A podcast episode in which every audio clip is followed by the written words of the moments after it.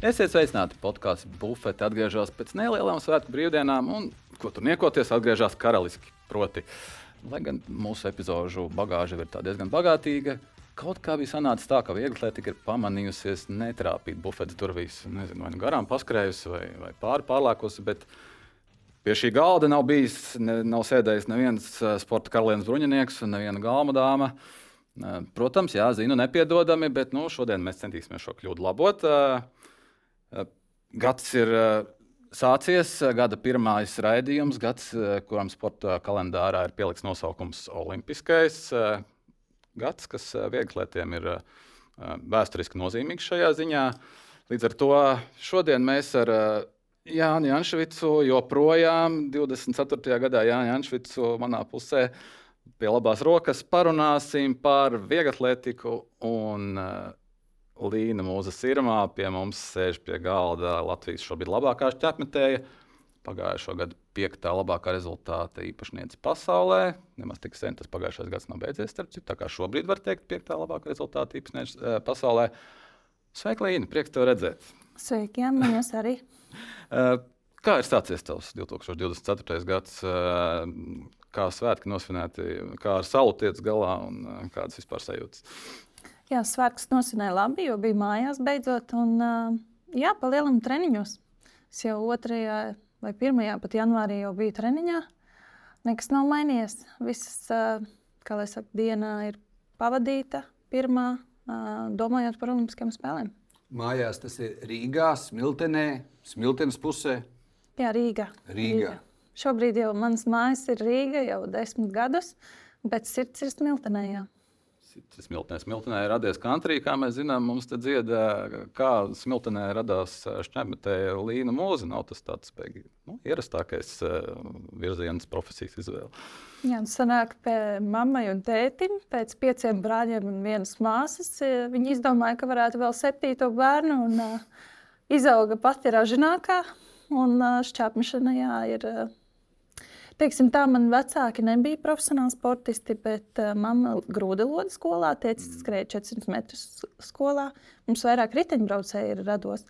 Bet uh, šķērsmetēji nu, nekad nedomāju, ka izaugs kaut kā tā. Bet lauku darbi laikam ir tie, kas uh, norūdīja manu raksturu, norūdīja manu ķermeni, mm. kad es biju maziņa. Un, uh, sports liekas tagad uh, kaut kas tāds, ko es esmu droši vien nevarētu aizmirst un negribētos darīt kaut ko citu šobrīd, kādu laiku vēl.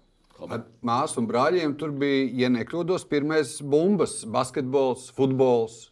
Jā, futbols un hokejs. Jā. Jā. Hokejs bija uz uh, mūsu dīķa.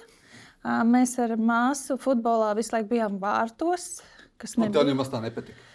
Protams, ka nepatika, jo man patīk arī sist golus. bet, uh, bet jā, mīlestība laikam sākās pret komandas sporta veidiem, nevis individuālo sporta veidu. Nu, tur jau ir komanda, māsa un pieci brāļi. Tur jau ir Jā. komanda. Un vēl kā kaimiņi atnāk, vēl, jo visiem patīk sporta spēles. Nu, tad, kad augām, manuprāt, visas iespējamās sporta spēles. Jā. Kaut pieci vecāki brāļi, tas nozīmē, ka tu esi augusi kā princese, vai tas nozīmē, ka tev ir vienkārši ļoti labi trenēta pacietība un, un, un izturības slieksnis augsts? Es laikam esmu augusi kā kādā apsargu kompānijā.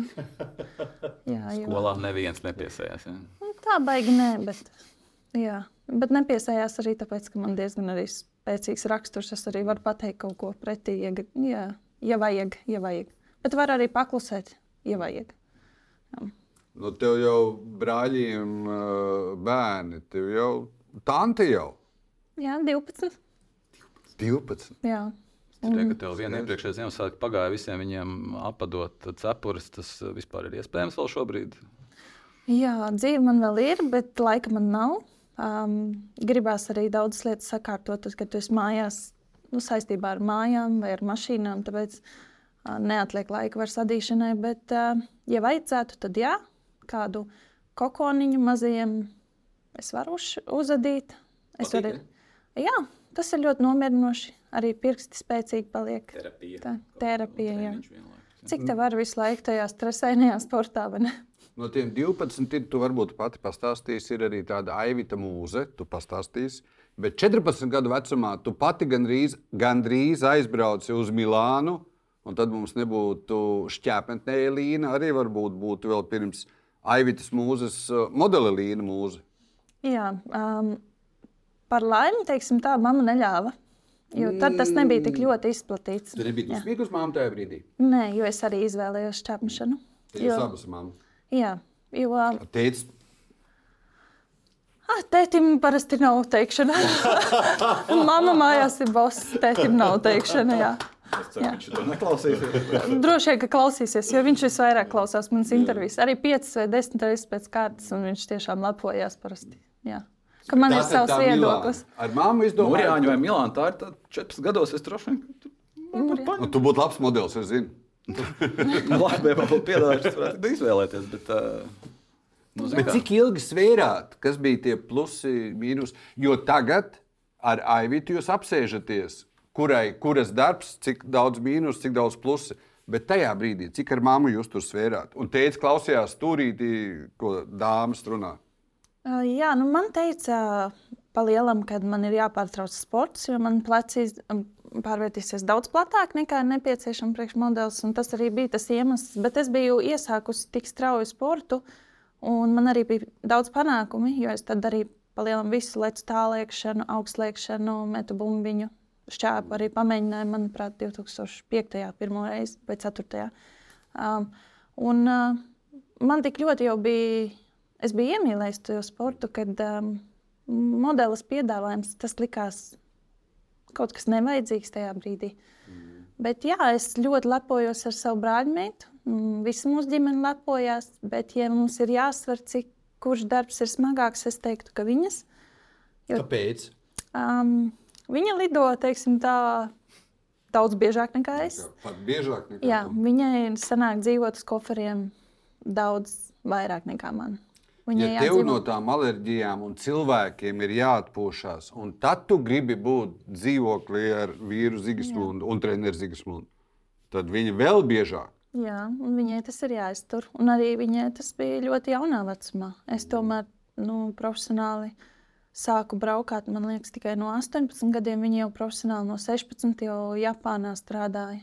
Tā a, viņas darbs un tas, kam viņa ir izgājis cauri, es teiktu, ir daudz smagāk nekā man. Bet ir ļoti grūti, piemēram, teikt, ka tavs smagums ir uh, lielāks, uh, dzirdot, piemēram, citu smagumu, kad viņš saka.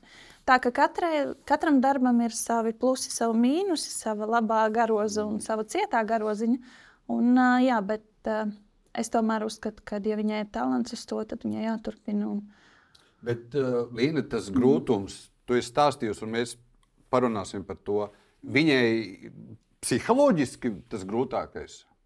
Es teiktu, jā, jo, piemēram, ja man ir jāuzrāda rezultāts, tad viņai ir vienkārši jāiepatīkās uh, mm, brendiem. Mm. Jo viņi iet uz uh, parāda sevi. Tas ir sanāk, sešos no rīta. Viņiem ir jāiet uz, aizmirsu tikko to vārdu, bet jāparāda sevi. Un vai nu viņi tev paņem vai nepaņem, un tad tev ir jādomā mājās. Ja tev nepaņem, tad tev nav darba. Ja tev paņem, tad tev ir jāstrādā. Bet nav jau tā, ka tu strādā tikai pāris stundas. Tu strādā no rīta līdz vakaram, kamēr viņi dabū to, ko viņiem vajag. Jā. Bet, Lai izturētu, ar kāds krusiņš jāskrien. Jā, viņa jogo. Viņa īstenībā viņa ļoti daudz rūpējas par savu ķermeni, par savu labsajūtu, jo tas darbs ir smags. Vajag tomēr arī sevi mīlēt un savu ķermeni, lai tu varētu arī tomēr darīt to darbu, ko, par kuru tu pelni naudu. Nē, varbūt tev tāpat kā Līnai. Labi, ka tu esi pats žurnālists. Labi, ka tu nekļūsi par modeli. Arī, jā. Nu, labi, es nekļuvu par modeli. Es domāju, tas ir pasaulē pat labāk nekā man pašam. Bet, uh, es atgriezīšos pie tās ad, ne, adīšanas, ne pie tās lielākās adām adatas. Respektīvi, kāpēc tieši šķēps? Tu teici, ka tu to grūdu lūdi, leci, daudz ko darīji. Kurā brīdī tā kā šķēps? Jo šķēps nu, nav tā kā pati populārākā tomēr izvēle. Ne? Jā, It kā tradīcijas ir Latvijā, viss ir. Bet, Kā nu, to skatās? nu, tradīcijas ir, bet uh, vieglāk tomēr sk- skriet. Un, uh, Līna, kāpēc ķēpjas? Prasa Ingūns, un es viņu pārtraucu. Um, Ļoti labs jautājums. Uh, Grūti atbildēt, jo cik es sev atceros, tad tie bija vienas sacensības Daugos stadionā, Jāņa Lūšīnas jaunzemes, uh, kurās mēs ar treneru aizbraucām. Viņš man iedeva šķēpu, viņš parādīja aptuveni, kā viņš jāmet, un es uzvarēju tās sacensības. Jā. Un 25 metri 2005. gadā. Man vēl aizvien ir gan medaļa, gan arī um, diploms. kurš ir parakstīts starp citu ar Jāni Lūsu un Inas Jaunzemes. Ar īsto pārakstu. Tas nav kaut kas tāds nokopēts. Jā. Un, jā, un šodien esmu šeit. Cik man ir trīs olimpiskās spēļu? Kval... Nu, ja, Jā. tas klausies, Esmu Līna. kvalificējusies četrām, bet Nu, jau startēt plānoju jā. trešajās. Nu, Sarežģīti, Matemātika, jā. Klausies. Tu ļoti uzsver, ka Latvijā ir tāds šobrīd iepauzējošs metējs, šķēpa metējs, kurš uzvarējis Eiropas U20, Eiropas U23 un Eiropas pieaugušo čempionāts, kurš tevi trenē un dzīvo ar tevi kopā, un kurš ir tavs virzīgs mums sirmais, kā apliecinājums viņa talantam, jo viņš 16 gados šķēpu. Jā. Bet tad jau tu pati arī neesi nemaz tik netalantīga, ko tu parasti. Tev patīk neizcelt. Darbs, darbs, smags darbs, bet tu bez treniņiem aizbrauci un aizlidoji un tu uzvarēji.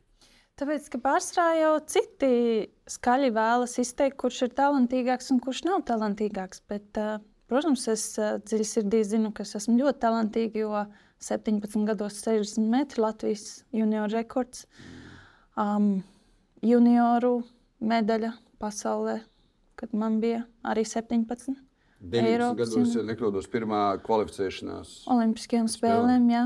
Nā, ja to nevar nosaukt par talantu, tad, ā, tad jā. Tad... Es tiešām es gribēju tevi pašu vairāk palabot, jo tu Zigismundu vai talanta ziņā. À, bet, ja mēs runājam, izcēl. kurš ir talantīgākais vieglatlēts, labi, pa, Tur nav varianti no. Jūs no... esat sacentušies savā starpā, Jā. jo medaļu komplekti arī Eiropas U-23 čempionātā ir bijuši vieni. Jūs jau tad esat sacentušies arī savā starpā. Bet viņam bija, man bija Latvijas rekords junioriem, vai viņam bija pasaules junior rekords. Līdz tam es neaizsniedzos. Jā. Bet, ā, jā, ja mēs runājam par talantīgāko šķērsmetēju, nu, tas obligāti ir Zīgs un Sirmais no um, skateboarda. Atnākt uz vieglatlētiku, divu gadu laikā sasniegt pasaules junioru rekordu, atņemt viņu Andrēsam Torkilsonam. Nu, tas arī ir jāmāk. Jā, un uh, talants. Jā. Talants un pareizā, pareizais treneris. Tā bija no sākuma Indra Eversona, otrā treneris un Val Valentīna Eiduka. Un ar to visu viņš sasniedz ļoti daudz savā vecumā. Un es teiktu, viņš bija arī labs pretendents 2012. gadā uz Olimpisko medaļu. Bet uh, nu jā, tajā brīdī koncentrējās vairāk uz Vadimu, jo Vadims jau sevi bija pierādījis. Jā. Bet viņš bija vēl jauns gurķis. Nu. Mm. Bet beigās vinēja jau, vēl jaunāks gurķis mm. par pāris mēnešiem. Skarbi, bet ir viena starpība tā, ka 23. gadā tu meti. Zīgismunds vairs jau kādu laiku nevar tajā līmenī mest, un 23. gads. Laikam var teikt, ka tāds tavs augstākais punkts? Nu, tas gan rezultātu ziņā, gan, gan pasaules ranga ziņā, gan, gan izpildot kvalifikāciju uz Olimpiādu, kā pirmā Latvijā. Uh, ir tā, ka tas tavs labākais gads karjerā pašai tāda sajūta. Lai gan ne, ne, noslēdzās viņš ne uz netik uh, veiksmīgas, protams, notis. Bet... Jā, es teiktu, pilnīgi noteikti. Uh, Stabila sezona, uh, olimpiskais normatīvs, pasaules čempionāta normatīvs arī vienīgais, man liekas, tajā brīdī, kad mēs aizbraucām. Es varu teikt, ka es izdarīju to, ko man vajadzēja izdarīt līdz pasaules čempionāta finālam, mm -hmm. kur nav noslēpums, ka es nevarēju uzrādīt ne tuvu tam, ko es varēju. Un, uh, Teiksim tā, beidzās pasaules čempionāta fināls. Uh, parasti es varu pateikt, ko es izdarīju nepareizi. Parasti arī Zīsmans man var pateikt, ko es izdarīju nepareizi. Bet viņa teksts vienīgais, kas bija, viņš tāds teica, samier, ne, pieņem to, kas tev ir. Un tiecies uz to, kas tev nav. Un es atceros pēc tā brīža, kad viņš man to pateica, man palika mazliet vieglāk. Bet startā man bija ļoti grūti. Jo es apzinājos, ka forma bija laba un nesapratu vienkārši, ko es izdarīju nepareizi. Iesildījos pēc plāna, visu izdarīju pēc plāna, bet uh, rezultātu nevarēju sasniegt. Un, jā, pēc pāris dienām sapratu, ka ieplāsts hamstrings, bloka kājā. Nu, tāpēc arī bija tā, ka bloka lietas un viņš saļimst. Kurā brīdī tas notika? Ir skaidrs. Jā, kvalifikācijā. Tre, bet tu izpildīji trešo metienu. Jā, tas bija bet- tavs labākais. Tad, tad tu vai nu tu uzmeti jau ar tādu traumu, vai tu vienkārši pēdējā Mēs metienā laikam laikā. Tomēr tajā metienā laikā, jo man tur bija ļoti tāds taisns bloks, kādu es nekad nelieku, dziļš bloks. Un, uh, pēc tam es arī intervijā sporta studijā, ja nemaldos, teicu, ka man ir krampis kājā. Es jūtu, ka tur ir krampis. Un, uh, es vienkārši nezināju, ka tās ir plīsums, jo man nav bijis muskuļu plīsuma nekad. Bet uh, jāpieņem, jāiet tālāk. Sāpīgi kvalifikācijas rezultāts būtu medaļa. Bet, uh, tas ir jāizdara. Ja es neizdarīju, tad tā ir mana kļūda, manas komandas kļūda, bet vairāk tomēr mana kļūda. Kaut kādā ziņā iespējams es varēju izvairīties no šīs uh, savainojuma, bet darīt vairs neko es runāju ar doktoru, ka tur varētu spricēt, bet tad būtu lielāka iespēja, ka es nevarētu šogad startēt Olimpijādā. Tāpēc tam ir vienmēr tādi plusi un mīnusi. Mācies no savām kļūdām un domā, kā nepieļaut tās nākotnē. Tagad viss kārtībā. Vai vēl joprojām rekrutācijas process, jā. kaut kāds asti paliek? Ja? Jā, un arī vecums man tomēr. Man ir 31. Pa, pa, pa, pa.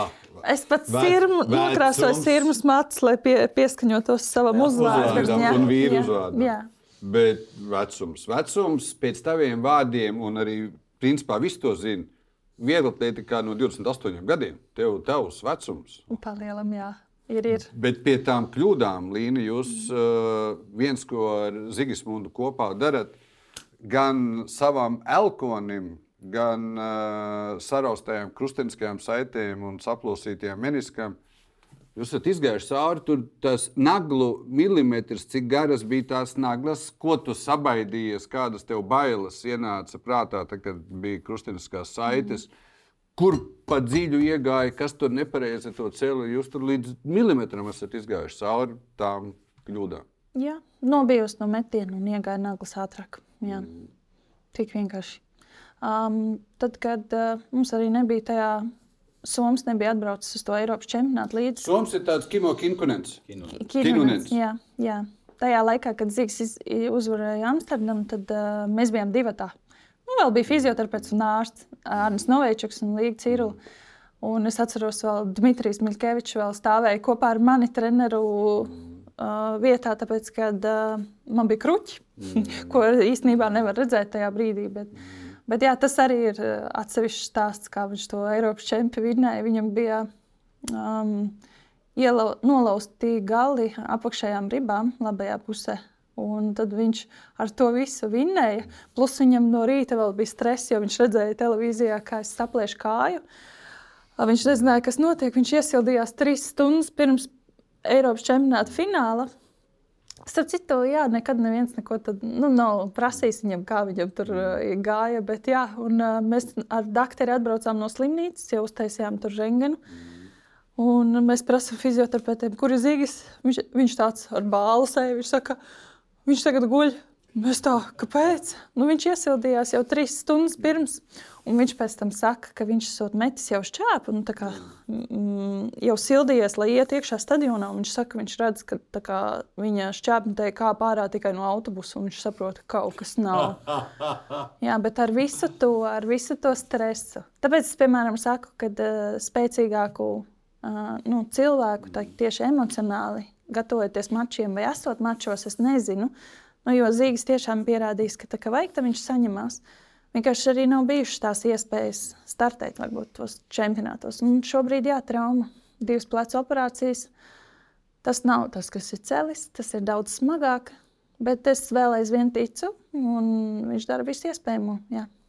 Lai atgrieztos augstākajā līmenī, vai lai atgrieztos nu, daudz mazā šķērpmešanā, kāda ir tie, kādas, kāda ir tie griezti, ko šobrīd? Nu... 80 metri. Viņš vienmēr saka, 80 metri var atvērt to ceļu. Gan emocionāli vienkārši pārvarēt to bloku. Jo tas ir tas, tas, piemēram, es nevaru, un neviens cits nevar ieiet viņā. Mēs nezinām, ko nozīmē, ka tad, kad tu ieskrienies, tad tu met un tad izkrīt plecus priekšā. Nu, to es nevaru pat, kā negribu pat iedomāties, ja godīgi. Es zinu, kā ir, ka tu ieskrienies un liec bloku un tev vienkārši pārplēšās krustveida saite un meniski un sāncei. Savukārt, tā kā negrib daudz citu zināt, tā kā nu, nu, katram savs krusts jānes. Līna, Zigim 80 metri, tev 65. Jā, es jau pēc viņiem jau sen jau gaidu, jau. kur nu viņi ir. Tas trīs skatos no pēdējiem pieciem, uzmet uz 64,5 pāri. Nu, Jā. pat gandrīz tur 20, 25 centimetri pietrūkst. Un nereizi neesi uz to robežu. Nav kaut kāds tev jau psiholoģiski, pers nav, nav kļūst personiski tie 85 metri. Tāda, nezinu, 85 ir ļoti personīgi. Man. bet, Jā, eh, 65. bet Es jau es pie zīga paliku. Jā, bet, ne, bet ir labi. Bet 65, protams, ka personīgi. Nu, es ļoti gribu viņus sasniegt. Jo es domāju, tā arī ir tāda viena robeža, tas pats, kas 60 metri. Mm nu, ja es sasniegšu 65, es negribēšu iet atpakaļ pie nu, tā kā 64 un 63. Bet vajag Līna. vispār sasniegt. Gan arī 8 gadus tur vēl viena robeža ir. Gan arī 8 gadi drīz būs mm. septembrī. Jā, 66, 18. 18. jā Tā ir nākamā. Tā ir nākamā. Bet pa- pagaid, mēs paliekam vispirms pie 65. Mēs paliekam, ka vispirms līdz maziņas. 65 tev pie... Nē, es ne par maziņu. Uh, par to, kam pietrūka 13 centimetri līdz 65. Tā kā jūs uh, esat izgājuši cauri visvairāk ar zigi tām sliktajām, tumšajām lietām, tā jūs ļoti labi zini. 2019. gadā Šankajā tu sasniedzi savu personisko rekordu 64, 87. Mm -hmm. Un arī tur tu esi visu izanalizējusi. Un par psiholoģiju mēs arī drusku vēlāk. Mm -hmm. Nu, tad tu, tu zini, kā tu aizmigi, kā tu gulēji, kā tu pamodies, kādas pārslas vai nepārslas brokastīs, ko tu. Oh, tas Ir tev recepte, ideāla metiena recepte. Ir skaidrs, Ko ko tu tu vari uzrakstīt uz papīra un pateikt, ka šitais viss būs, būs, būs, būs, būs tad Jā, uh, ideāls metiens ir 72, 29. pie 65 pagaidām. Jā, Vai bet, tos ā, 13 centimetrus? Man viņš nav tāds, es tev ir nezinu. kā- izmērīts. Tas ir tavs Bet tu centies. Nē, tas ir pasaules Tu zini, kas tev ir Tas pieder jādara. Barbarai. Jā. Jā. Um, es viņai esmu jautājis, ko viņa ir darījusi. Starp citu, tajā pasaules rekorddienā viņa teica, ka viņa veselu nedēļu spēlēja hokeju. Tāpēc, ka viņai bija tā kā, uh, pasākums pēc, to pateikšu, tas bija 8. gads vai 9.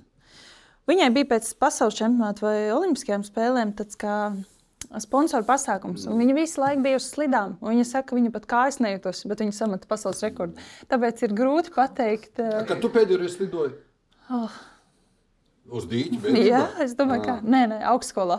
Jā, augstskolā man bija tur ir, hokejs. Ja tu nosauc Ziga, pilnīgi ne, klasiski atgādinās lietas, kas ar viņu notika tad, kad viņš uzmeta 866. Un tad, tagad ar ar Barbaru par tā, ko mēs runājam, tas pats, tad varbūt tāda ir recepte. Jā. Visiem ir jāsaiet ārpus tavas komforta zonas, varbūt tas paver kaut kādas čakras. Bet tev izskatās, ka visam ir jānotiek savādāk, lai tu sakoncentrētos vairāk. Bet um, nav tāds, es teiktu, nav vēl skaidrs, kā vajag uh, pareizi sagatavoties, tāpēc ka nav vēl tas metiens, ko es gaidu. Jo man nav bijis tā, ka es justu, ka es sevi pilnībā realizētu. Tāpēc arī es esmu šeit.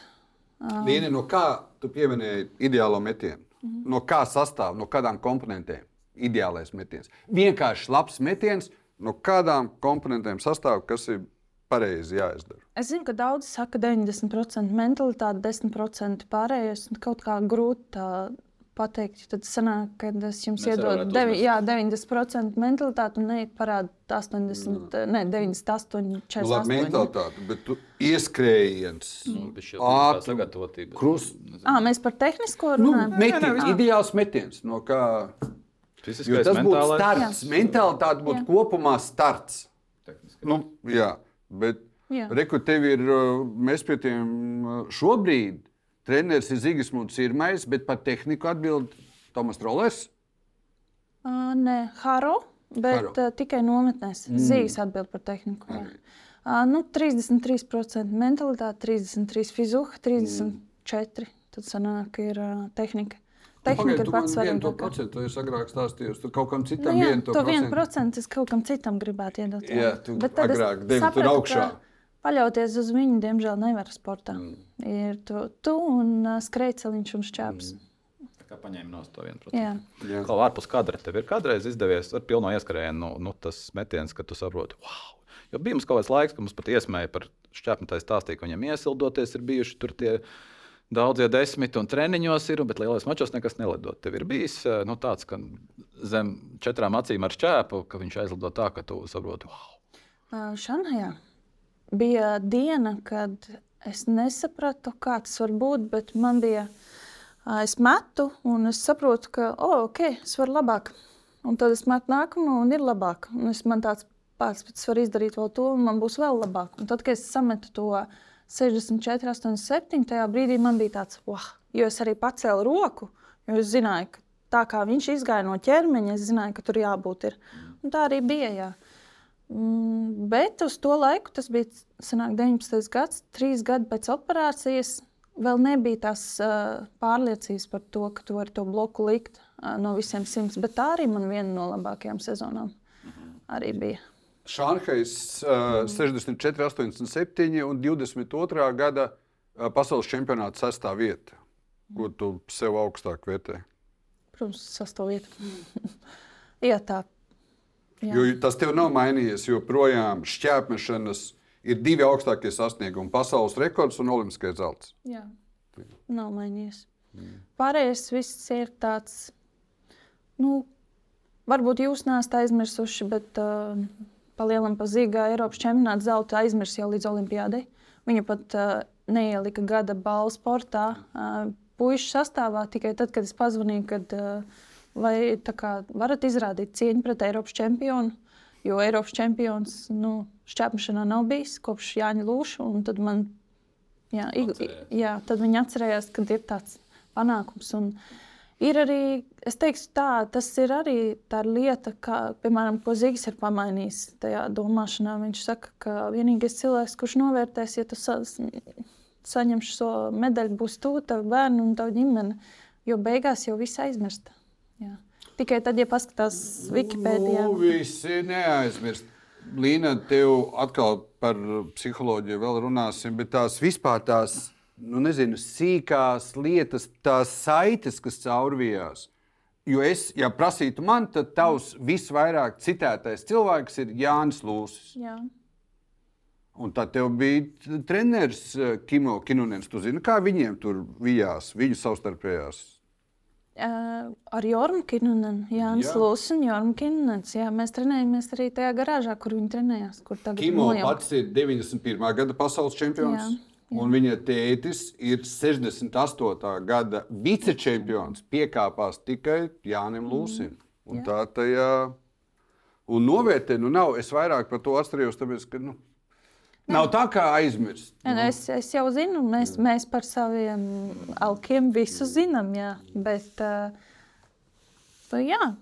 Mm, jautājums ir vienmēr, ka man ir bijušas intervijas par, par tieši par tām medaļām, bet pa lielam šobrīd es redzu, ka ir tas, piemēram, normāli strādājot, visu laiku strādāt, neredz neko citu, un tad nonāc tas, līdz tai medaļai, un beigās jau nu, te uzliek viņu kaklā, ir forši, tas ir, nezinu, pāris dienas, pasmiņu un ej tālāk. Uh, Bet uh, tas ceļš jau līdz viņai nu, beigās neviens jau ne, nerunā par to. Neviens jau neredz to. Un es teiktu, to, ko mēs darām ikdienā, um, nu, lai nonāktu tur, mm -hmm. nav viegli. Un, ja tu vēl nenonāc tur, kas var arī gadīties, kaklā, tad, jā. tad viss tas ir. Tad, tad beigās, ko, kā, kam, priekš kam tu to dari? Jā. Līna mūze 19. Nē, nē, nē, nē, nē noklausies, lūdzu. Līna mūze 19 gados teica, ka zelta, zelta, zelta, zelta, zelta, zelta, es eju pēc zelta. Līna mūza sirmā nu jau kādu brīdi saka, ka svarīgāks ir tas ceļš, mm. ejot. Zelta nekur nav palicis, es eju. Jā, es bet eju. svarīgāks ir ceļš.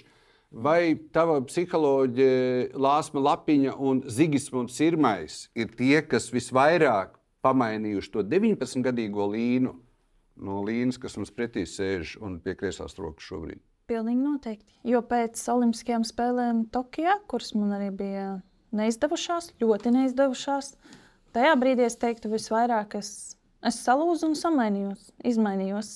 Un tikai pateicoties cilvēkiem apkārt, un tajā brīdī, kad tev ir, ir tu pieļauj kļūdu sportā, tu arī saproti, kur ir ar tevi. Un es teiktu, tie cilvēki, kas ar mani palika un ticēja tam, ko es darīšu, nākotnē ar sportu, vai turpināšu trenēties vai nē, tad es izmainījos tādu, kāda es šobrīd esmu. Es, es teiktu, es ar sevi lepojos. Ir bijuši tiešām emocionāli grūti iepriekš eh, sagramot kaut kādas um, neizdošanās, jo tu trenējies tomēr. Tu trenējies, jā, un uh, ir grūti apzināties, ka viss tavs treniņš ir bijis nu, kaķim zem, zem astes. Un šobrīd man ir tā, ka es aptuveni izanalizēju un eju tālāk.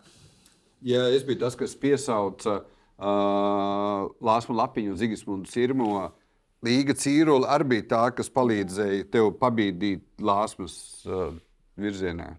Līga jau ir kā mana mamma. Jau. Līga Cīrula ir, es teiktu, es viņai esmu visvairāk pateicīga. Tāpēc, kad arī tad, kad man bija trauma, šis ceļš, un jaunai būt, būt, es biju ļoti jauna īstenībā. Un tā kā tikai man jau pirms tam bija, starp citu, alkohols salūza. Tad arī. Un Tur arī esot bijušas bailes. Tu tas krīt, tā leci augstumu, ka piezemējies uz pati uz savu kastes. Jā, un arī tas ir ļoti neveiksmīgs. Tas nav bijis no šķērsmešanas. Parasti visi man rāda, mums taču ir šeit rāta, ja es rādu, man ir šeit. Es saku, viņi prasa, kā tā, kā var tajā? Es saku, es lecu kastes, augšējā nebija nostiprināta. Kas ir kastes? Kastes. Ātris spēks? Nē, nesapratu kastes. Jā, lai saprotu, ko nozīmē à. klausītāji, skatītāji. Jā, nu, tu lec no zemes uz paaugstinājumu, jā. lai sasniegtu ātrā spēku.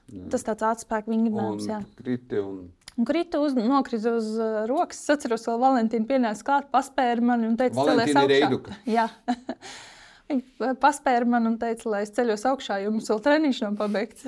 es atceros, ka pienāca un prasa, vai ir labi. Es saku, nē, man tirpst roka.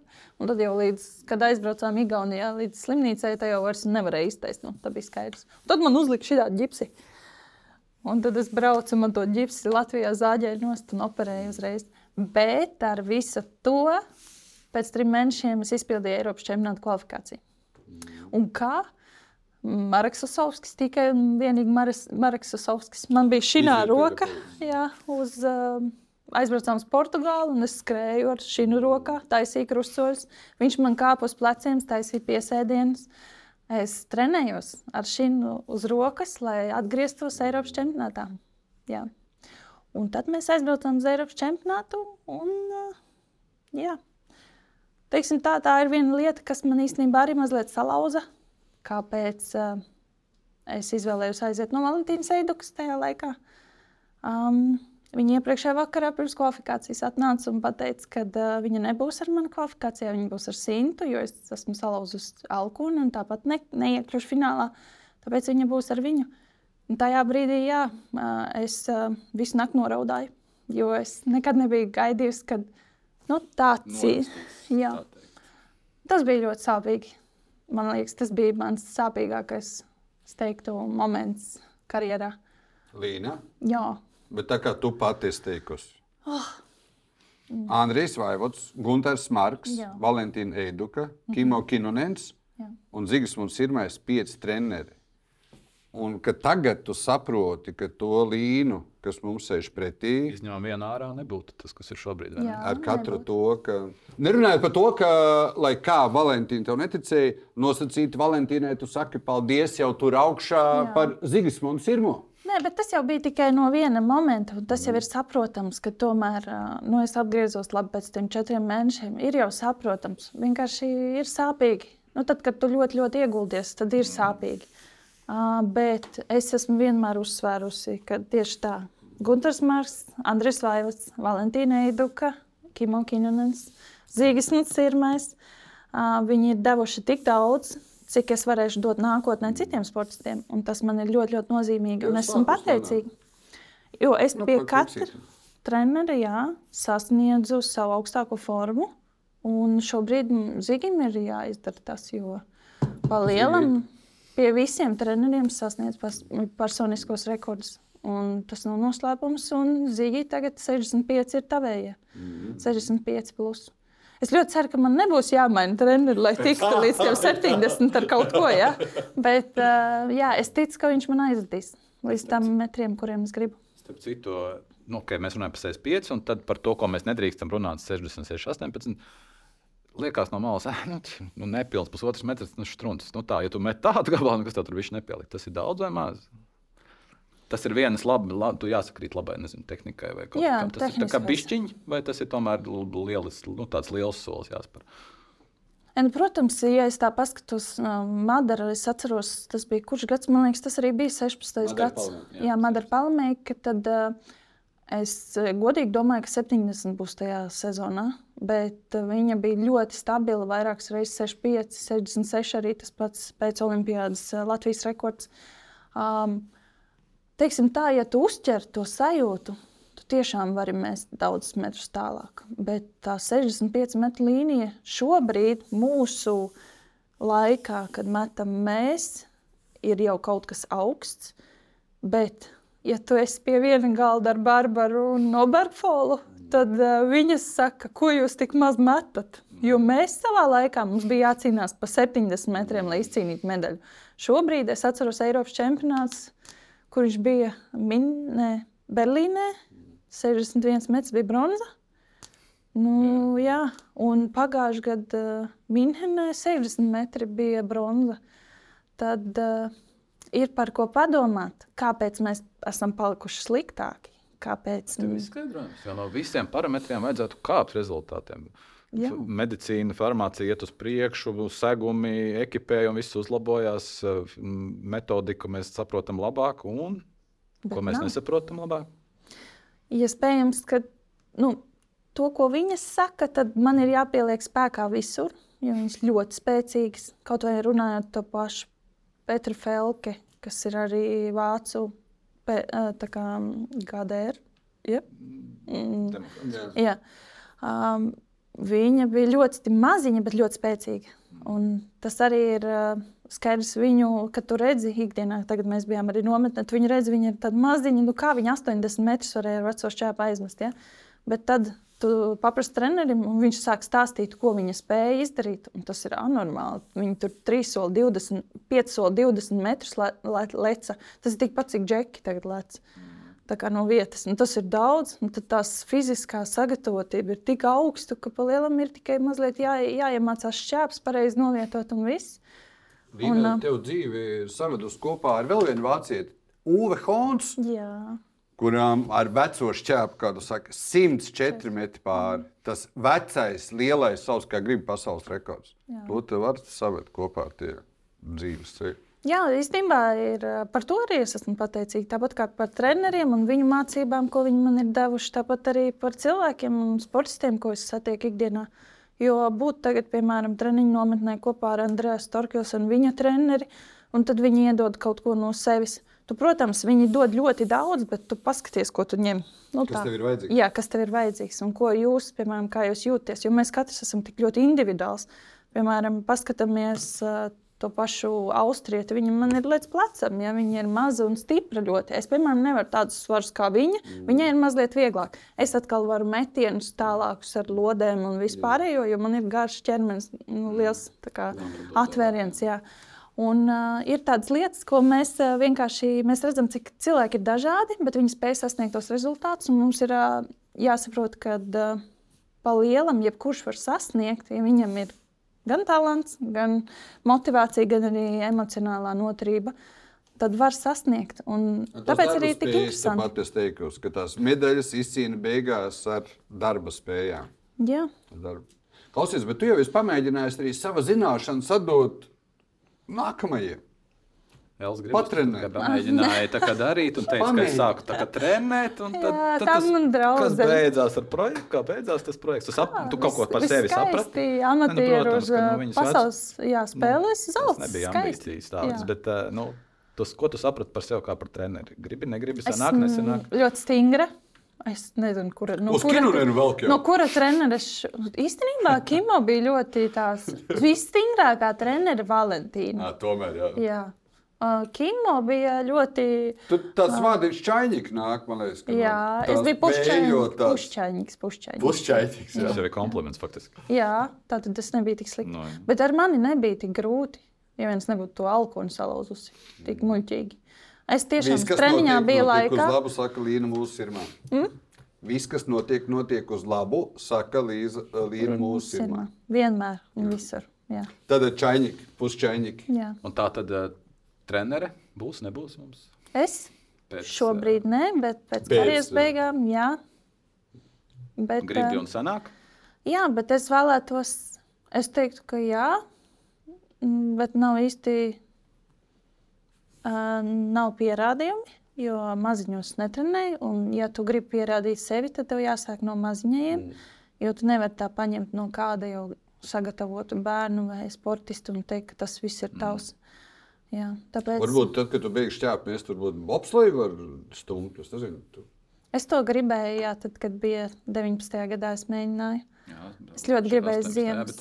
Bija 19 braucieni, 4. vieta Eiropas sacensībās. Bet jūs tur bijāt tāda jautra kompānija. Es saprotu, ja tā bija arī Zīga māsa, Stūma un arī un Aiga, Aiga, jā, jā, Aiga bija klāta eh, grabus. Mm. Kas es... tas bija par eksperimentu? Um, vienkārši, kur es biju nometnē Ventspīlī. Un, uh, Sandis pajautāja, vai es varu uzstumt, uzstumt. un, uh, protams, bija slikti stumšanā, jo es tādu lietu nebiju nekad darījusi. Bet, uh, Un tad, kad darīju, tad nepalika labāk. Bet tad, kad sākās sacensības, es uzreiz zināju, ka tas ir profesionāli. Tāpēc, ka uz sacensībām es uzte, uzrādīju visātrāko rezultātu, ātrāk nekā treniņos. Um, bet jā, tas bija ļoti interesanti. Fizuhu viņi trenē ļoti labu, gan kājām, gan, gan arī ķermenim. Bet trīs treniņu dienā man bija dēļ tā, vien, kad, uh, lai es varētu startēt bobslējā un lai es varētu nākamo sezonu arī šķēpšanā, tad man bija trīs treniņu dienā. Jā bija jāizvēlās prioritātes. Tomēr. Vien, nu, jā. Loģiski, ka tu paliec tur, kur tu esi gadu, gadu, gadu gadiem, jau desmitiem ieguldījusi. Ne? Un nebija jau sliktākais variants pēc tam. Um, gribēju teikt kaut ko citu, bet uh, personiskais rekords. Pēc tās uh, bobsleja, monobobsleja sezonas man uzreiz bija personiskais rekords jā, Šanhajā. Kaut kas noderēja. Viss noderēja. Nu, tur kaut kas, mm. pasties, Rasturgojas pa virvi staigā. Ja? Nē, nu, metodikas ir dažādas. Jā. Nu, mēs zinām, ka ir. Rasturgojas pa virvi. Nu, viņš staigā tur monobops. Nu, viņam, jā, nu, teiksim, jā. pagalmā virvi nostiept, tu staigā to balansu trenē, tur batutus iesaist un visu kaut ko. Slaklines, jā. Tev ir kaut kas šāpmešanā, ir kaut kas tāds, ko cilvēki nemaz nenojauš, ko jūs darat, lai iziet un uzmest foršu šķēpu. Varbūt ir jādara kaut kas, es nezinu, uz galvas jāstāv vai. Nu. Es daru visu, jo šķēpšana kā tāda vispār ir mazliet nav radīta teiksim, tam cilvēku ķermenim. Um, un es daru visu. Es daru gimnastiku, es daru arī sporta spēles. Jo mums bija peldi, stanga. Jā, stanga, skrienu krosus, slēpoju. Jā, es pat nevaru tā nosaukt. Es daru pārāk Ziemā daudz. Ziemā tur droši vien neviens negrib ar tevi. Ne? Jā, tikai visi grib manā komandā. Norauties ar tādu. Tas ir septiņu cīņu. Nu, tur. Jā, tas jau faktiski ir. Viņa ļoti palīdz. Es atceros, es mm. mācījos uh, Latvijas universitātē, nevis Latvijas, Latvijas Sporta pedagoģijas akadēmijā, un mums bija Jānis Lanka. Visi mm. zināt, jā, bija. Un, un uh, tad man no viņiem arī bija visu laiku jāklausās, kā viņi trenējās ar Jānu Lūsi. Un, starp citu, jā, man ļoti patīk laikam, uzzināt ļoti daudz, tāpēc es arī esmu runājis ar tik daudz cilvēkiem. Bija ļoti interesanti, ko viņš stāstīja par daudz cīņu cik ļoti daudz viņu vajadzētu integrēt tieši šķērsmešanā, jo tas arī bija labākajos gados. Man liekas, Jānis Lūsis arī varēja uztaisīt daudziņu, pilnu daudziņu un sasniegt labākos rezultātus. Jā. Līna, mēs, tu ar Zigismundu analizēji, analizēji, kas bija Jānim Lūsim, tavuprāt, viņa fenomenālo panākumu pamatā? Garais metiens. Jā, jā. Tagad tā Garais metiens, nevis tā garais. Ko nozīmē Jā. garais metiens? Tas ir sanāk no vienas, no vienas puses līdz otrai. Mēs vienmēr sogam. Mm -hmm. Zīgs bija labākajos gados, mm. viņš vispār nezaga, bet tas ir no viena gala līdz otram izvelkts metiens, garš, jo šķēpšana kā tāda ir par to, cik tālu viņu var kā, ievilkt, aizķert. Un viņam bija iespaidīgs. Jā. Un viņš, lai arī viņš tā kā lācītis skrēja, bet viņam bija perfekta šķērsmešanas izjūta. Jā, Jānim Lusim. Bet viņa tehnika mazliet savādāka. Jo tad, kad es biju, man bija tā iespēja šķērsmeļu klubu, kad man bija tie paši 14, 15 gadi, braukt uz nometnēm, tad Jānis Lūsis mācīja mest šķēpu pa vecai modei, kas ir ar iegri, pagrieztu šķēpu un plauksts skatās uz leju. Mēs jau visi esam uzgriezuši Jā. plaukstu. Mm. Un tāpēc tik grūti bija uzņemt informāciju, jo tas ir kaut kas pavisam cits. Mm. Bet viss, kas saistījās ar garš metienu, kāju darbību, tas bija tas, ko mēs no viņa varējām mācīties vienmēr. Varētu būt, lai arī tur mm. psiholoģija nebija tādā modē, ka viņam arī ar to mentālo viss bija labi. O, jā, jā, viņam tur viss kārtībā. Un viņš arī, piemēram, nebija izlutināts. Tad, kad viņš saņēma naudu, piemēram, tos, cik tur 50 tos rubļus no uh, no, sanāk, Vienalga no kā. No kā? Federācija, Jā. padome, ne padome, No komiteja. Znatnē, domā. No znatnē. Tad viņš viņu sūtīja mājās, nevis paturēja. Nu, Viņš ļoti, es, es teiktu, tā ļoti forši paklausīties. Man vislabāk patika tas, ka es atceros, Zīgas cēlās uh, visus savus junior gadus. Uh, Cik septiņos no rīta, laikam, jo Jānis Lūsis tā vienā filmā bija teicis. Mm. Un tad bija tā filma par Jānu Lūsu, kur viņš teica, ka ai, nē, tas viss bija priekš filmas. Jā. Un tajā brīdī Zīga bija tāds, ak, Dievs, nopietni, visas necelšos vairs vairāk. Jā, jā. Līna, bet es dzirdēju, ka Zigis mums ir pateicis, ka tev drīz būs piecos jāceļās. Jā, viņš tā saka. Viņš visu kaut ko. Mēs esam. Rīgā būs manēža. Ir jau. Un, lai tu tur netrāpītu burzmā, tad uh, Zigis mums līnu vedīs dzīs jau uz pieciem. Šī laikam lielā tēma, ko tu teici, ka, ja šķērpmešana nav radīta cilvēkam, homo sapiens, tad laikam eh, arī tre, nu, tāpēc tā var izskaidrot treniņu apstākļus. Mājās vasarā neviens negrib šķērpmetējs, jo tur jūs varat sadurstīt futbolistiem dārgo zālē, viņu sildīšanas un sprinklerus tas un ir metiens 8000 eiro. Ja? Caur ūdeni. Ziemā jūs atkal negribat laist iekšā, jūs tur atkal sienas sabojāsiet, vispār aizņemsiet vietu. un Kas tas vispār tagad notiks? Nav tā, ka vispār neviens jūs negrib, kur jūs trenēsieties. Tagad jautājums. Tāpēc uz Portugāli jābrauc, uz Spāniju vēl kaut kur, kur jūs ņemat pretī. Jo Latvijā jau laikam Es taču pagājušajā nedēļā biju jaunajā manēžā. Mm. Kā tur izstāsta? sagaidīt, tev Pēc krāsas, viss. viss. Viss maržo pēc krāsas, pēc jaunuma, nu, svaiguma. Un labuma? ir, un, jā, mums ir sava, sava daļa, kur mēs esam norobežoti, kur mēs nevaram nevienu nodurt, tikai viens otru, kur mēs nevaram nevienu satraumēt. Nu, izskatās iespaidīgi. Tad, kad pirmo reizi tikšu iekšā, tad es arī pateikšu, Kad vai ir ir skaisti, labi. un tā. Man liekas, ka šodien jau skrejēji tiek iekšā. Mm. Es vēl šodien biju vecajā Rīgas manēžā. Mm -hmm. Jā, bet eh, pārsvarā ir jābūt ļoti atvērtiem. Šodien arī nu, sanāk Rīgas manēžā.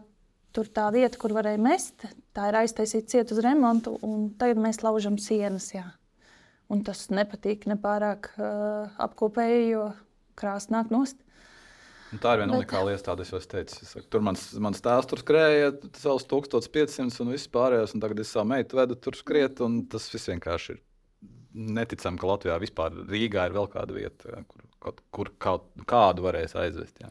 Bet bija Covid, un tad mēs eh, izīrējām garāžu un uh, Ar 8 trenējāmies tur. metrus augstiem grieztiem. Jā, jā. Un, Un, ko var izdarīt garāžā? Nu, sāksim ar to, ka pirms Līna pastāsta, ko ir izdarīt garāžā. Uh, tad Līnas vīrs Zigas mums var pats mešķēp, Mm. var cits trenēt. Un tad metināt visu pēc kādas, kas nepieciešams. Stāvgas nestāv. Oh! Labi, es nesaprotu, kā tu to zini, lai Līna pastāstītu. Jā, Zigismundam viss, ko viņš dara simtprocentīgi, viņam sanāk. Jā. Un uh, viens no maniem brāļiem, Monvīts, viņš iemācīja Zigim metināt divās dienās. Jo Zigim gribējās sametināt uh, vienu mašīnu, tā kā viņam patīk vecas mašīnas, ve- veci BMW. Un, uh, protams, uh, rūs izāda uz caurumu, ja, un uh, sliekšņos vajag sametināt. Un, protams, mans brālis to negrib darīt, un, uh, vai nevar, jo viņš smiltenē. Un viņš iemācīja Zīgam metināt ar pusautomātu. Un, uh, jā, un Zīgs šobrīd tiešām taisa ļoti labas vīles. Uh, vai kā šos savienojumus pareizi sauc. Un uh, man patīk, ka viņš uh, iet starp citu visur, kur ir kāda manēža. Viņš saka, es varētu labāk. jā, es varētu labāk. Bet jā, un uh, es, uh, ir vēl viena lieta, ko viņš uzražoja pats, kas ir uh, vispār šoks. Um, Zīgas mums izdomāja, ja jūs zinat, ir tās vācu mašīnas, ja, ko izmanto vācieši.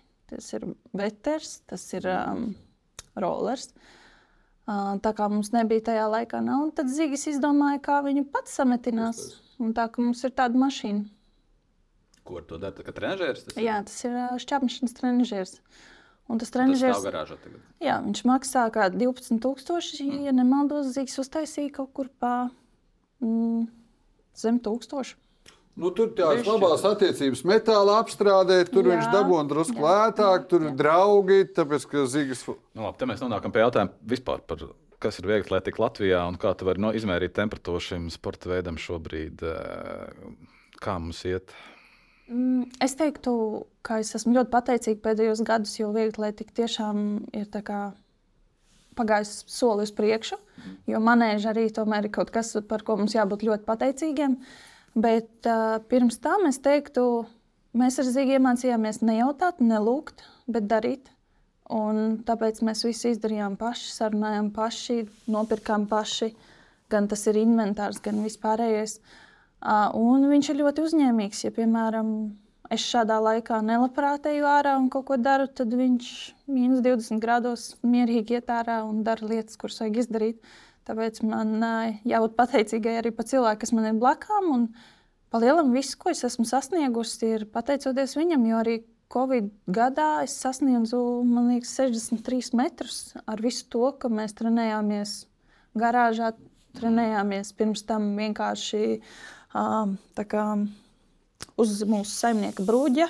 Kuru mēs vietās salauzām. Nu, viņš zina, vai... nu, viņš, protams, ka viņš redzēja, bet uh, mēs tāpat, nu, ir lietas, ko mēs darījām vienkārši, lai darītu. Un Kimo mums iemācīja uh, imagination is your limit. Tad uh, vienkārši dari, kā tu vari iedomāties, kā tu to dabūsi gatavu. Vai jebko, ko tu dari, tu dari ar mērķi virzīties uz priekšu. Un, ja tu nevari, tad tu nedari. Bet, ja tu vari, tad. Atkal jau nestandarta apstākļi, atkal jau mēs nonākam pie tā, ka tas, kā tu pats to konstruē, nevis pēc priekšrakstiem, bet tā kā tu pats to dari, tā arī vislabāk sanāk. Klā, bet nu, par to viegli, tā kopumā mēs skatāmies. Nu, Es saprotu, ka jauniešu junioru, bērnu jauniešu junioru nu, saucamā masveidība, kāda Latvijā var būt masveidība, tomēr rūk. Līdz ar to rezultāti arī ap mazajās grupās rūk. Attiecīgi tas ietekmē tālāk, kas mums ir junioros, kas mums ir elitē, kur arī, diemžēl, tas skaits samazinās un tas, tas kopējais nu, nu, daudzums, kas var lielajos mačos uz kaut ko pretendēt, sarūk. Mums ir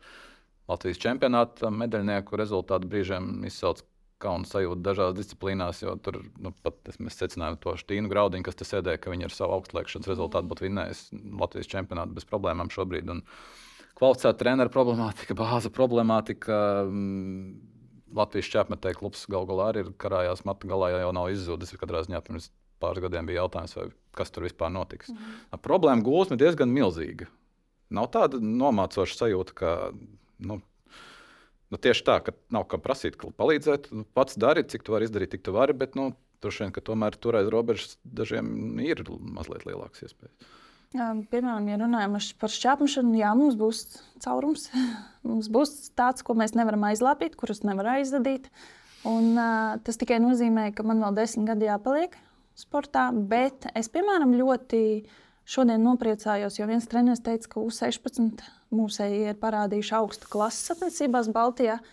Nu, tieši teiksim, tā valgas sacensībās. Un, tāpēc man ir cerība, ka viss tomēr būs labi. Mums vienkārši šobrīd ir jāiztur.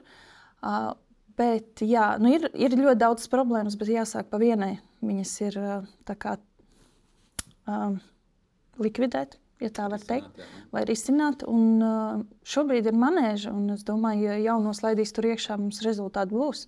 Protams, cerams, arī mūsu laidīs iekšā. Bet uh, es tomēr neskatos tik pesimistiski uz mūsu vieglietīgas nākotni, bet, protams, es redzu ļoti daudz kļūdas. Bet vieglietīgas savienība dara to, ko viņi var darīt. Mums ir daudz, uh, sanāk, cik 16 vai 18 sportisti, kas ir iekļauti Latvijas Olimpiskajā vienībā. Um, tas ir liels skaits, es teiktu, pat lielākais skaitlis, kas ir. Bet jā, mums nav medaļas. Ja mēs gribam panākt, lai sportisti jaunie grib palikt vieglietīgā, arī pēc, nu, tad, kad sākās specializācija, kas ir 14, plus, tad uh, mums ir jānes medaļas, un tas ir jādara tieši lielajiem. Ir jārada tas iespējas. Sākoties ar medaļām. Tu esi teikusi, ja tad, kā tu dabūji, tad var domāt par nākamo.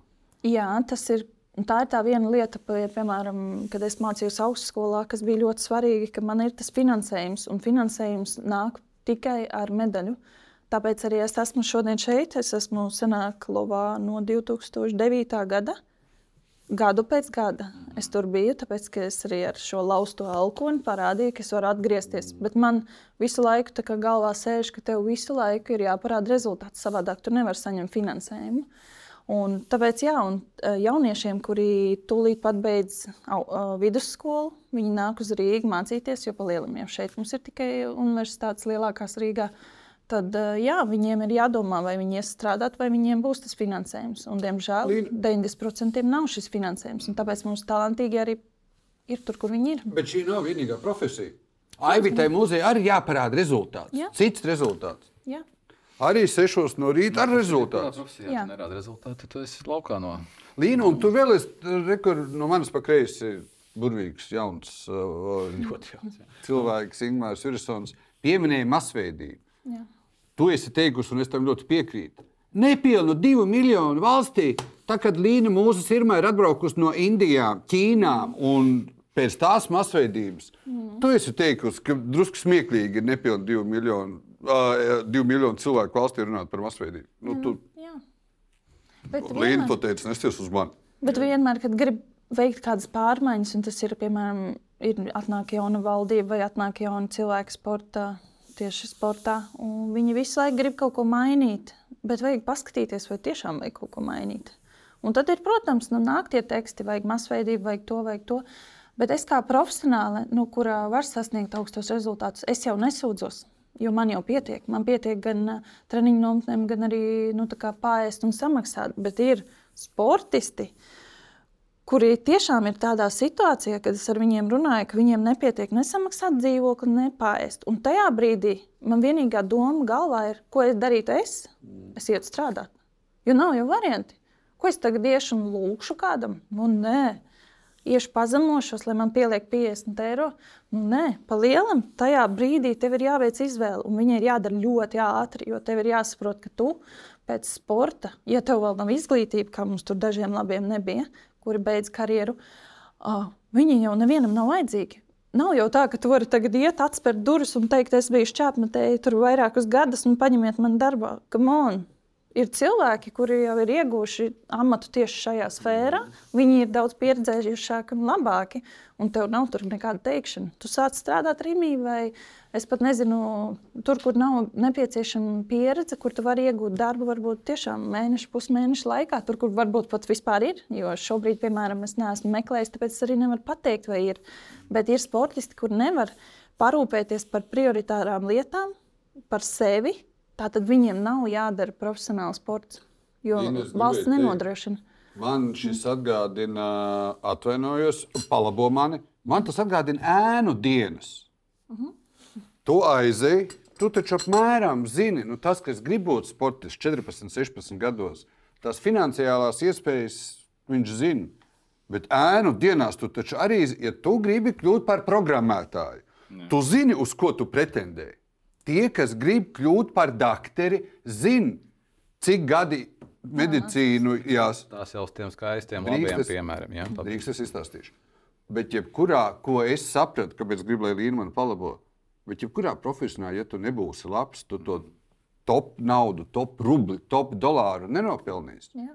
Tev nebūs tā, kā Līnai, kura ir jau. Tūdaļ mēs zināsim, kas ir ar 66, 18, cerams, jau šajā gadā. Bet, ja tu neesi pietiekoši labs jebkurā profesijā, nu, Tu neesi nevarēsi- vajadzīgs, Jā, jā. tu neesi vajadzīgs. Tieši jebkurā. tā. Un tas ir arī mums. Un pa lielam uh, ļoti daudz saka, ka tas ir nežēlīgi, ka tev pēc viena gada izmet. Diemžēl nāk cits vietā. Un tam citam tu nevari pateikt, re, kur viņa ir. Uh, Jo būtu nežēlīgi neņemt viņu. Jo, Jā. ja viņš ir, ja jau nu, viņš ir uzrādījis. ceļā, Jā. Tāpēc, piemēram, ir svarīgi saglabāt to um, tie lēmēji, lai viņiem ir tomēr par panākumiem viņi lemj. Bet, ja ir jaunie, kuri parāda rezultātu, kas jau varētu pēc gada, diviem kotēties jau pieaugušo līmenī, tie ir tie, ir tie uz ko, manuprāt, ir ļoti jāspiež. Jo viņiem finansējums, vai viņš ir vai nav, nozīmē, vai viņi būs sportā, profesionālajā, vai viņi nebūs. Man paveicās, ka es katru gadu parādīju rezultātu, bet tas nav Pa, pa, viegli. pa, ko nozīmē paveicās? Ko, kas tev izdarīji visu, lai paveicās? uzrādītu rezultātu. Jā, Nu, bet tas nu, ir startēt veiksme. ar spricēm, startēt ar pretsāpniekiem, startēt ar laustu rību, tā kā nolaustām rībām, tā kā zigim, jo mums bija tajā gadā 350 eiro alga, nu tā kā pabalsts, un 3800 nometnēm. Tātad tas jau bija tā. Ja nebūtu bijuši tie iepriekšējie gadi, kad bija šī labāk, un tu esi iekrājis, ja tu būtu tā, ka trālinātu visu naudu, tad nebūtu iespējams atļauties. Bet tas nozīmē, ja tu gribi palikt visu laiku sastāvā, tas nozīmē sev darīt visu laiku pāri. Tāpēc, piemēram, man ir uh, spēcīgas masāžas pa fascijām vai kaut kas, es vienkārši guļu. Man jau sauc par nu, tā kā flegmā, flegmātiķis, laikam, Jā. jo es vienkārši nejūtu, nav tik traki. Nu, Es zinu, ka tur ir kunkuļi, bet man liekas, tas ir dzīves sīkums ar to, ka es esmu izgājis cauri savā Liekas, karjerā. Tas ir augsts. Jā. Bet tagad, jā, Labi, šobrīd tu esi tā kā nu, elite, tā reāli pasaules elite. Tā kā. Nu, tu esi pasaules elite. Jautājums, ar ko reāli šķērsties var nopelnīt? Tā ir nezinu, dimanta līga vai tā ir kaut kāda citi komercmači, tā ir kaut kādi bonusi, tā ir kaut kas nu, skaidrs, ka Olimpiskā vienība tev kopumā nenosadz bezrūpīgu dzīvi ar uzkrājumu iespējām. teiksim Tā. Nu, tev kaut kas ir jāpelnā pašai. jā nu, es sanāku, ka Loks nodrošina palielam pamatvajadzības, kas ir dzīvoklis, tur ā, ēdiens, Transports. Jā, viss tas. Uh, visas ekstras, kas man ir, tās nodrošina komercmači. Lai uz komercmačiem tiktu, tev jau gada sākumā vai iepriekšējā gadā jāparāda jau augsts rezultāts. Lai tu tiktu, piemēram, uz dimantlīgām, kuras ir tikai četras gadā, agrāk bija desmit, tad, kad Madara 16. gadā, man liekas, arī vinnēja, tad bija astoņas vai deviņas. Tad bija daudz vieglāk. Šobrīd ir 30 mečus uz uh, astoņām vietām, četrās dimantlīgās līgās. Un vienmēr tajās dimantlīgās uz nākamo posmu tiek pirmā trojka. Vienmēr. Uh, un uh, otrs variants ir, kuram menedžerim labākas attiecības ir ar uh, sacensību organizatoriem. Un šeit ir viena nianses, arī ja ir slikts menedžers, tu netiec uz komercmačiem. Un tas arī ir ļoti svarīgi. Mans menedžers ir uh, Igaunis Aivars Karatams. Viņš ir uh, jau no 2009. man, un man liekas, Zigim abiem diviem mums ir. Un viņš ir spēcīgs menedžers. Viņš ir viens no pirmajiem trim, kas vispār sāka vieglatlētikā būt menedžeri.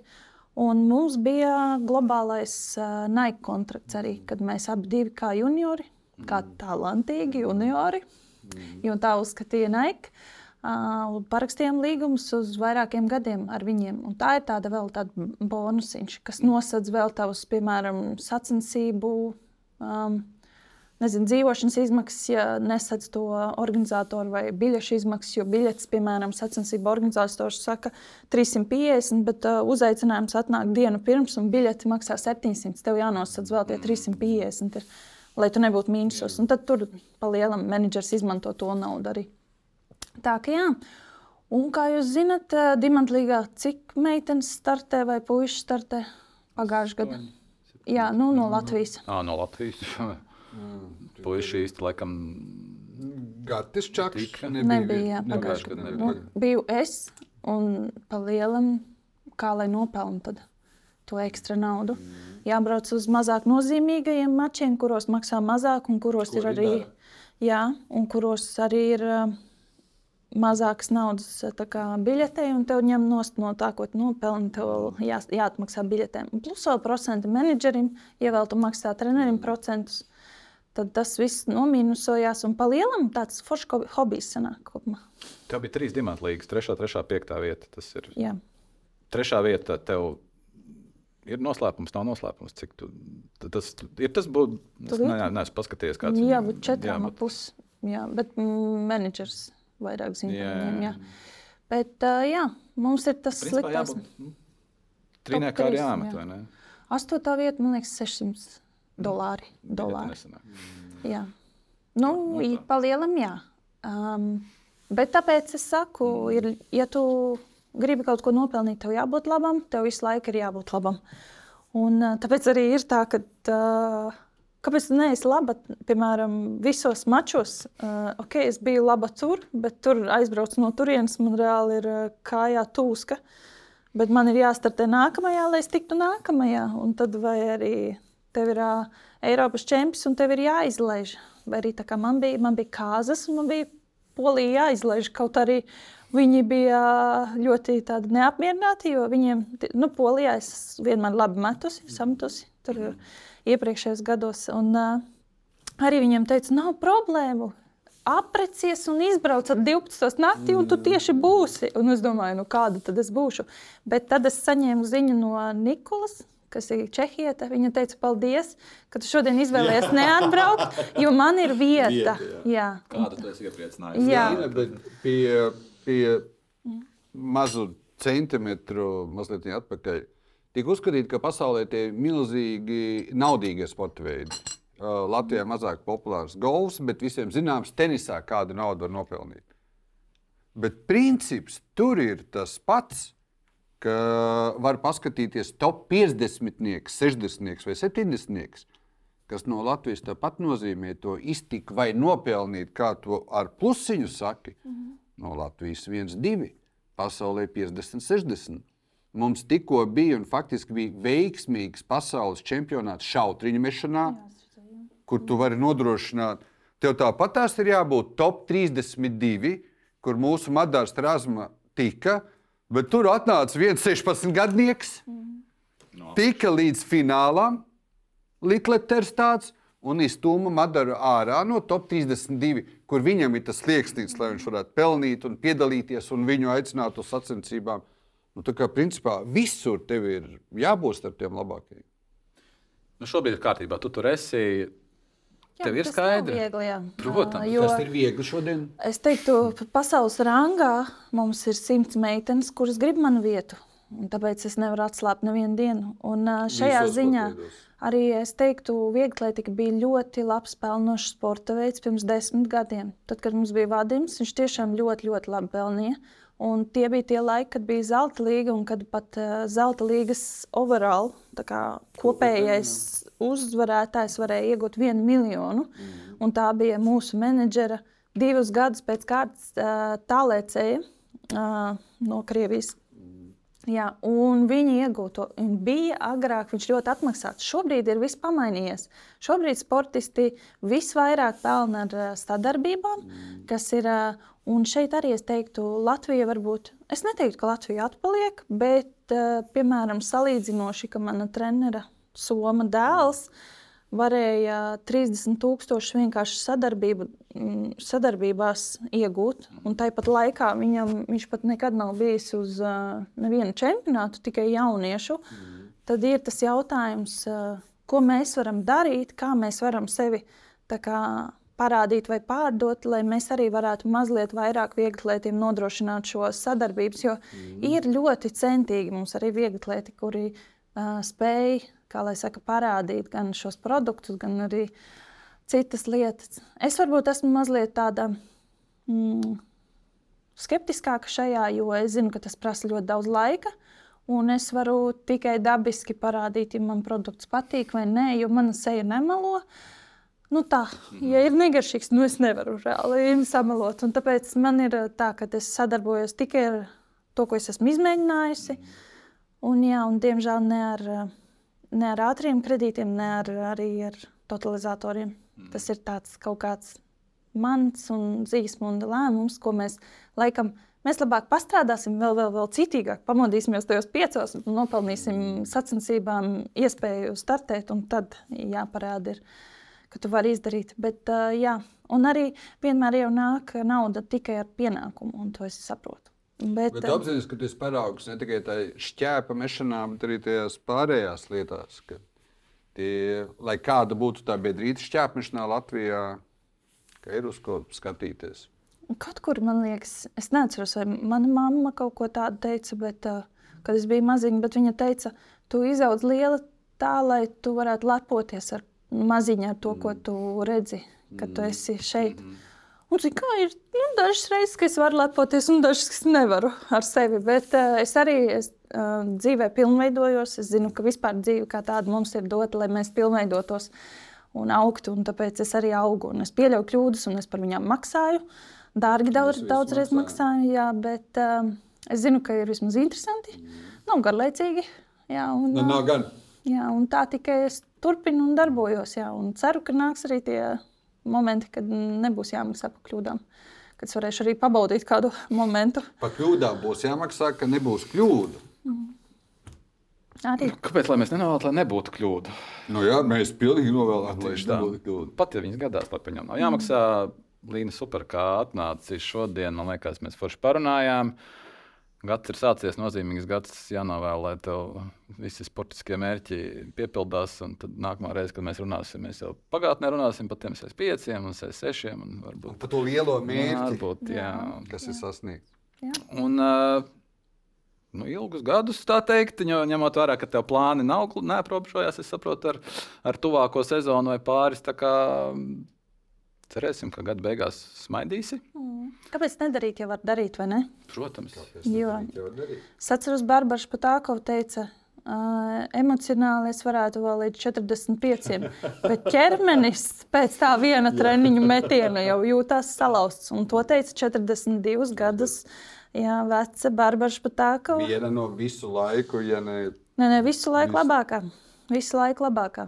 Mm. Um, jā, tā ka. Nu, mēs arī esam vēl mazliet vecāki par Barbaru Patāko. Mēs arī apņemamies turpināt, cienījamies skatītāji, klausītāji. Būsim mēs pēc nedēļas atpakaļ. Līna būs savās lietās, bet mēs uh, paliksim Savējās. savējās. Visu gaišu! Tiekamies!